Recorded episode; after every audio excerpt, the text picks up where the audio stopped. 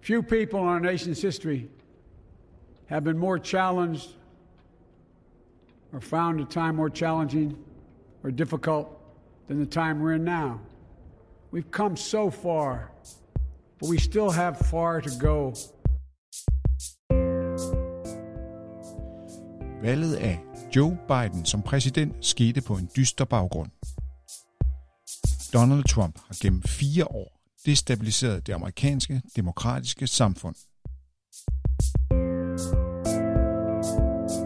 A cry for racial justice, some 400 years in the making, moves us. A cry for survival comes from the planet itself. A cry that can't be any more desperate or any more clear. And now, a rise of political extremism, white supremacy, domestic terrorism that we must confront and we will defeat. Der er nok at tage fat på for Biden og Harris. Men, som vi skal høre i denne udgave af spørgetimen, så er der også nok at tage fat på i Danmark efter Trump. Også i Danmark er demokratiet nemlig udfordret. Det går godt med den demokratiske dannelse blandt børn og unge i Danmark, men med den politiske, der halter det.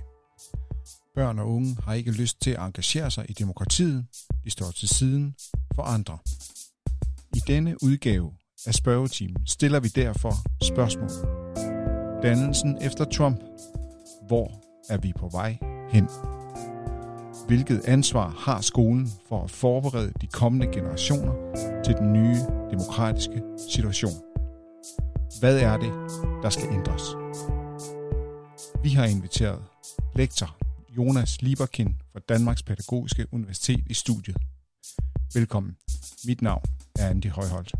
Jonas, øh, velkommen til dig. Jo, tak. Jonas, du forsker i børn og unges demokratiske dannelse, og du er en af dem i Danmark, der ved mest om, hvordan det står til øh, med hensyn til børn og unges demokratiske dannelse. Vi har inviteret dig til en snak om situationen i Danmark under temaet dannelsen efter Trump. Hvis du skulle sige noget om, hvordan det står til på den sociale og politiske dagsorden i Danmark, som skolens virker og dannelsesopgaver må ses i forhold til. Hvad, hvad vil du så sige? Jamen altså, hvis man skal se på, kan man sige, den politiske øh, situation sådan vidt og bredt i forhold til det, som skolen har noget med at gøre, altså det vil sige prøve at hæve os lidt over det partipolitiske, øh, og så prøve at se noget om, hvad er det for nogle strømninger, der generelt er på spil, jamen så vil jeg sige, at der i de her år øh, er sket noget nyt, øh, som netop også øh, Trump øh, om nogen er et udtryk for. Der er begyndt at melde sig nogle nye typer af stemmer i debatten. Og det, der er det store, interessante spørgsmål i den her sammenhæng, det er så, hvad stiller skolen op med det? Ja, og hvad er det for nogle, øh, hvad er det for nogle stemmer, der er begyndt at melde sig i debatten? Jamen er det altså, det? Jamen det der jo er, er tydeligt øhm, for mig at se, det er, at vi har ligesom det konventionelle politiske demokratiske system, som ævle bævler inde på øh, Christiansborg. Og så har vi en hel række forskellige grupper af mennesker generelt, men også unge, som ikke tidligere har haft mulighed for at sige noget, men som lige pludselig begynder at øh, markere sig i den her debat. Og det mest den åbenlyse, vi kan se, hvis vi ikke lige kigger på USA og Trumps vælger, men så har det jo været sådan noget med den anden bølge af MeToo, øh, at en række kvinder lige pludselig øh, begynder at markere sig, men det er jo klart, at med hele sådan klimabevægelsen fra Greta Thunberg frem, er det også som om, at der er nogle nye typer af stemmer, altså de unge stemmer, som har meldt sig i debatten, og som ikke tidligere har haft øh, plads. Øhm, og vi har også set de seneste demonstrationer med de her Men in Black. Det er som om, at systemet har indtil videre holdt nogen nede, som nu er i gang med at øh, begynde at ytre sig. Hvad, hvad vil det sige, at systemet har holdt nogen nede? Jo, men altså i hvert fald no, nogle af de forklaringer, man får rundt omkring i, i litteraturen, det er, at øh, efter øh, murens fald øh, og indførelsen af det liberale demokrati, som det, der ikke rigtig havde noget alternativ i, øh, i verden, altså det vil sige det, vi typisk kalder for demokratiets sejr fra 90'erne øh, og frem, der har der vist sig i det lys og i den øh, sejrsros, at der rent faktisk var nogen, som ikke fik lov til at sige noget. Og det har jo så været, mest tydeligt har det jo så været klimaet. Vi interesserede os ikke for klimaet. Øh, vi mente, at demokratiet havde sejret, alle mennesker havde fået rettigheder, men naturen og klimaet havde vi jo sådan set overset. Men vi havde også overset øh, kvinderne, og vi havde måske også overset øh, nogle af de unge. Ja, øh, ser du det som en positiv udvikling for, hvis man taler om skolens opgave og virke? Jeg ser det i hvert fald som en øh, kaotisk udvikling. Der er folk, øh, som kalder det her for demokratiets ustyrlige øh, grundlag. Så det er, der er noget kaotisk over det her. Øh, det har vi jo set for eksempel med øh, de gule veste i Frankrig, som øh, vi markerer os. Vi så det også tidligere i Danmark, men lige pludselig vi havde et gult landkort til et af Europaparlamentsvalgene. At lige pludselig var der en hel række vælgere, som stemte på noget, som vi ikke var vant til, at de stemte, i hvert fald ikke lige så høj grad.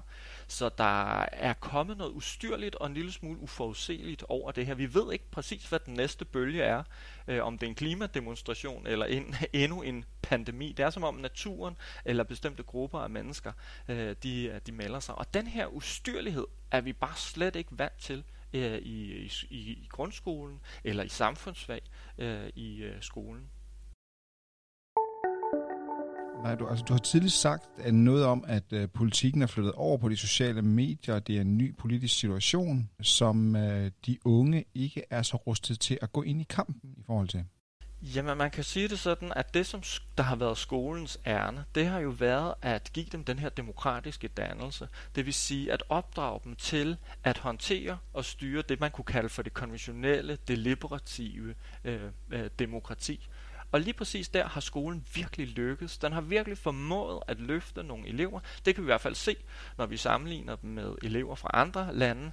Nogle, der har ekstremt høj viden øh, om demokratiet og samfundet. Nogle, som gerne vil stemme til valg, og som grundlæggende går ind for de demokratiske værdier. Men vi kan også se, at når det handler om at involvere sig aktivt og direkte i samfundet, deltage i offentlige politiske diskussioner, jamen så er de noget mere afventende og trækker sig lidt øh, fra diskussionerne. Så på den ene side har vi altså nogen, som øh, ved meget, øh, øh, indordner sig under det konventionelle system, men på den anden side så har vi nogen, som ikke i særlig, særlig grad har det mod, eller den vilje, eller det behov for at deltage aktivt i politiske, kan man sige, diskussioner, eller i protestbevægelser i øvrigt. Ja, og der er det noget med, at de danske unge faktisk øh, i forhold til internationale sammenligninger står relativt svagt. Ja, altså man kunne sige, at hvis man kunne differentiere mellem demokratisk dannelse og politisk dannelse, så er de utroligt stærke til altså i forhold til deres demokratiske dannelse. De har viden, forstår øh, systemet og kan agere inden for det. Men hvis det handler om politisk dannelse, altså det at have mod til at markere en politisk forskel over for den verden, man er i, jamen så står de faktisk ret svagt. Så hvis jeg lige skal forstå det rigtigt, så ser vi en politisk social situation, hvor flere og flere melder sig ind i den politiske, eller, ja, den politiske debat i form af MeToo-bevægelser, klimastrækker og alle mulige aktiviteter, der er uden for det organiserede politiske, det sædvanlige politiske system. Ja, men ude på den anden side, kan man sige, der i det her ustyrlige øh, niveau, der står de altså øh, ikke helt så stærkt. De har ikke helt det samme mod eller den samme vilje, og måske øh, ser de ikke helt det samme behov for at deltage aktivt. Og der kunne man jo egentlig godt sige, at grundskolen måske også havde en ambition om, eller burde have en ambition om, at sige, at de unge også i den øh, sammenhæng øh, burde være rustet til at kunne agere politisk øh, aktivt og have det mod. Hvad, hvad kan konsekvensen være af, at de unge ser en, en politisk diskussion køre?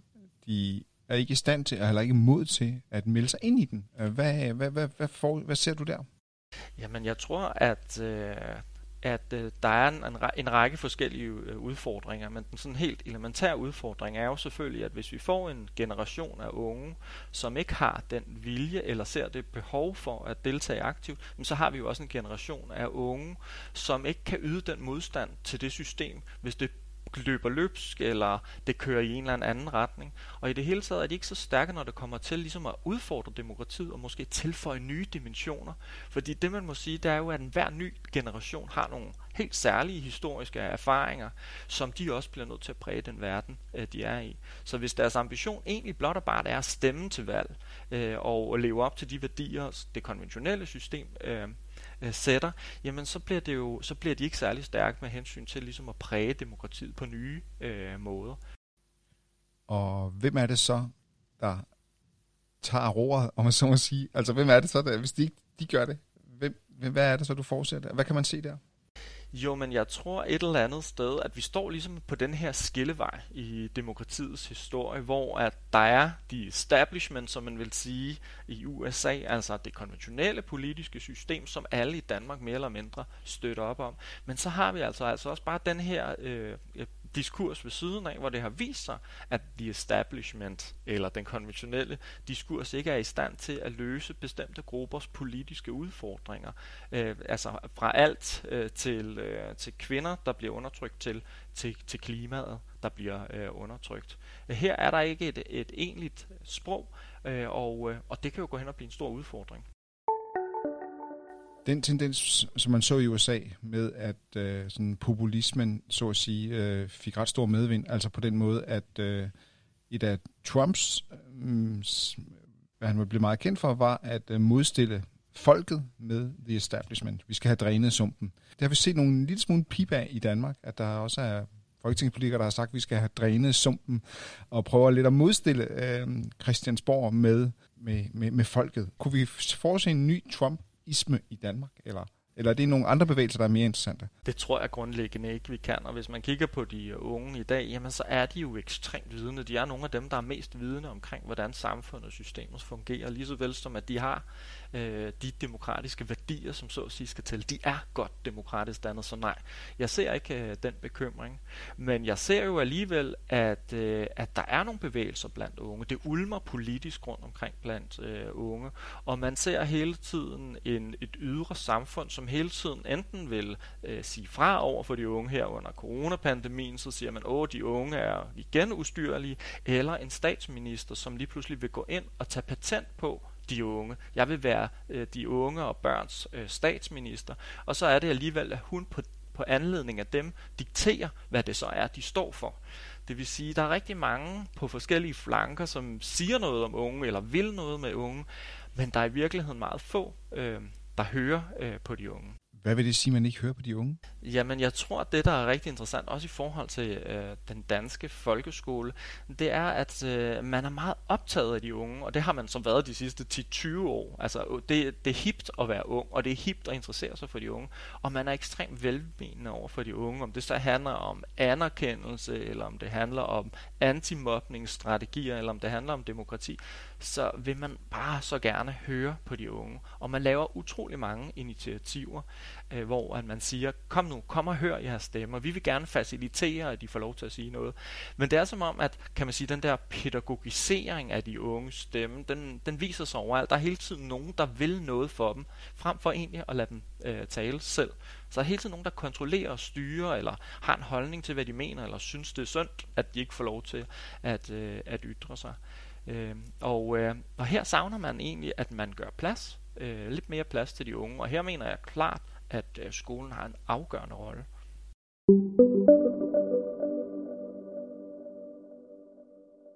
Jeg synes, det er rigtig spændende med, at øh, vi har denne her skole, øh, som jo er rigtig god til at give de unge den her demokratiske dannelse. De er altså rigtig god til, kunne man sige, at uddanne den i forhold til at kunne agere i det konventionelle demokratiske system. Men den er lidt sværere i forhold til måske at give dem det mod, eller den styrke, eller se et behov for, at de måske også skal udvikle og udfordre, altså udvikle demokratiet og udfordre øh, det system, øh, vi er en del af.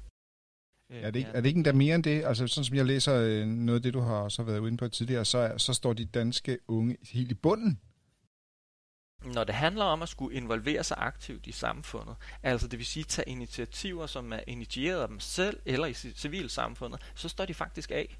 Øh, ikke 100%, men sammenlignet med andre står de bare svagere. De ser ikke øh, det behov, og det synes jeg også er lidt interessant. Altså der mener jeg også, at skolen har en rigtig vigtig opgave, fordi at kunne og at have et ønske om at engagere sig, handler også om at se, at der er et behov for, at man engagerer sig. Og jeg vil jo så mene, at enhver generation burde i en eller anden grad øh, have en ambition om at realisere de erfaringer og gøre sådan nogle overvejelser på, på det grundlag, de har øh, i forhold til den verden, de er i. Og her er det som om, at skolen har en passiviserende, hvis man skal sådan øh, radikalisere, kan man sige, øh, nogle af de analyser, jeg har været med til at lave, så i nogen grad radikaliserer en eller anden form for, eller de passiviserer øh, Øh, de unge mennesker. Altså, de er rigtig gode til at tale med de unge, de har nogle gode lærer-elev-relationer, og skolerne er også ekstremt gode til at, ligesom at lære dem om demokratiet. Men lige så snart det handler om at lytte på dem, øh, så, eller give dem medindflydelse, så falder de dramatisk sammenlignet med andre børn.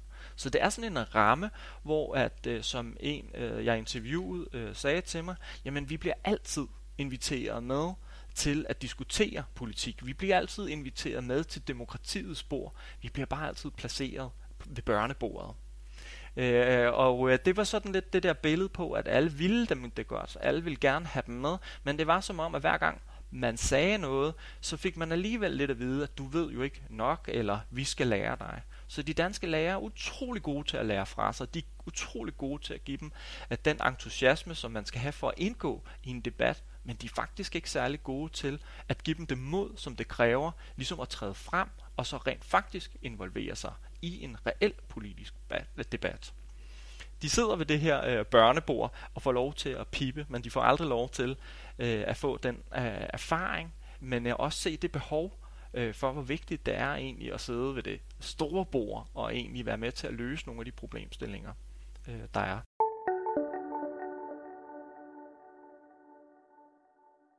Hvordan kunne det så se ud, hvis de unge kom med til det store bord? Eller hvad kunne skolen gøre mere af, helt konkret?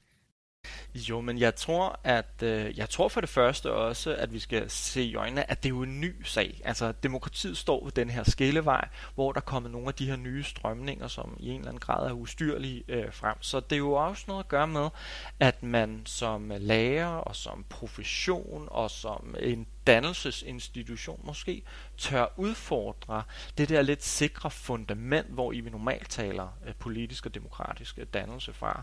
Mange lærere har en meget, øh, er meget entusiastiske omkring det her, men jeg tror også, det er, at vi er kommet til en tid, hvor vi bliver nødt til at udfordre det en lille smule. Så det tror jeg vil være det første. Øh, øh, og øh, i den forstand, så, øh, så tror jeg, at man skulle prøve i sin øh, pædagogik og i sin undervisning, ikke hele tiden at have ambitionen om, at jeg ved, hvad det er, øh, eleverne skal. Jeg ved, hvad demokratiet er, og at nu skal eleverne lære det af mig. Måske ved lærerne det ikke altid. Måske er den lærende, når det øh, øh, læreren øh, vidne om rigtig meget. Det skal man jo selvfølgelig slet ikke underkende. Men der er nogle dele og nogle momenter, hvor de må øh, forstå sig selv som uvidende, når det handler om politik og demokrati.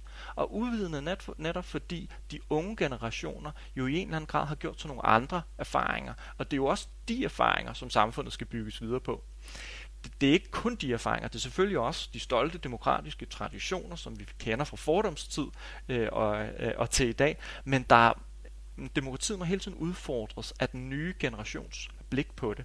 Og lige præcis den nye generations blik på demokratiet, de politiske værdier og den udfordring af det system, vi øh, har, ved læreren ikke noget om.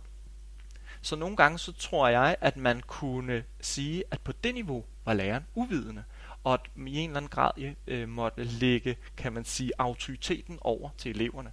Og det for mig at se et rigtig spændende pædagogisk, kan man sige, ramme. Det er ikke så konkret, øh, men det er en meget spændende pædagogisk ramme at arbejde med. Altså hvor man byggede, byttede lidt om på asymmetrien i forholdet mellem lærer- og elevstrukturen.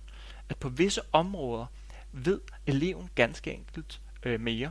Og det handler ikke kun om viden, sådan faglig viden, altså hvem sidder i Folketinget, hvad er deres øh, jurisdiktioner og den slags ting og sager. Det handler øh, også om de nye typer erfaringer, man gør sig for eksempel på de sociale medier eller i vennegrupper, men det handler også om måden, man udtrykker sig politisk på. Altså hvor vi har været vant til, at man skal udtale sig og tale om politik på en sådan måde, at den er forståelig for alt og alle i offentligheden. Men Trump har jo blandt andet vist, at dem, som har, kan man sige, øh, korrekturretten over, hvad der bliver sagt i offentligheden, øh, øh hvad hedder det, udfordrer store grupper øh, af, af befolkningen. Så hvis nu de unges måde at udtrykke sig på også blev normgivende, eller i hvert fald man blev øvet i, øh, man fik lov til og mulighed for ligesom at ytre sig på sin måde. Og det kunne være alt fra, at man lavede politiske aktiviteter, men det kunne også være det, at man trak sig for en debat og så videre. Så der er rigtig mange interessante pædagogiske måder, man kunne arbejde med det her på, hvor man byttede øh, øh rundt på den der asymmetri.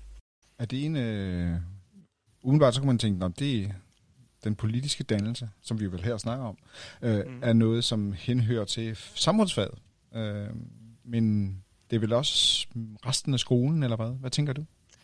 Jamen altså, i Danmark har man jo den tradition for, at, øh, at det jo er øh, hele skolens virke, altså det, der står i formålsparagrafen, som har den her øh, ambition om at gøre unge til aktive deltagere i samfundet. Men det er da klart, at samfundsfag har jo den selv samme, øh, så vi finder jo en tilsvarende formulering i formålet med samfundsfag, som man ser i formålsparagrafen, så der er der ingen tvivl om, at samfundsfag jo har en, øh, en, en særlig rolle at spille i denne her øh, sammenhæng. Men hvad så med resten af den dansklærer, der sidder og lytter her, eller matematiklæreren, eller hvad tænker du der? Jamen, jeg tror, at det er noget, altså det er et, øh, et, øh, et, et projekt, som hele skolen har, og alle lærer. Her fra gårdvagter til, øh, øh, øh, til for, de forskellige vejledere, til skoleledere, til selvfølgelig øh, til lærerne.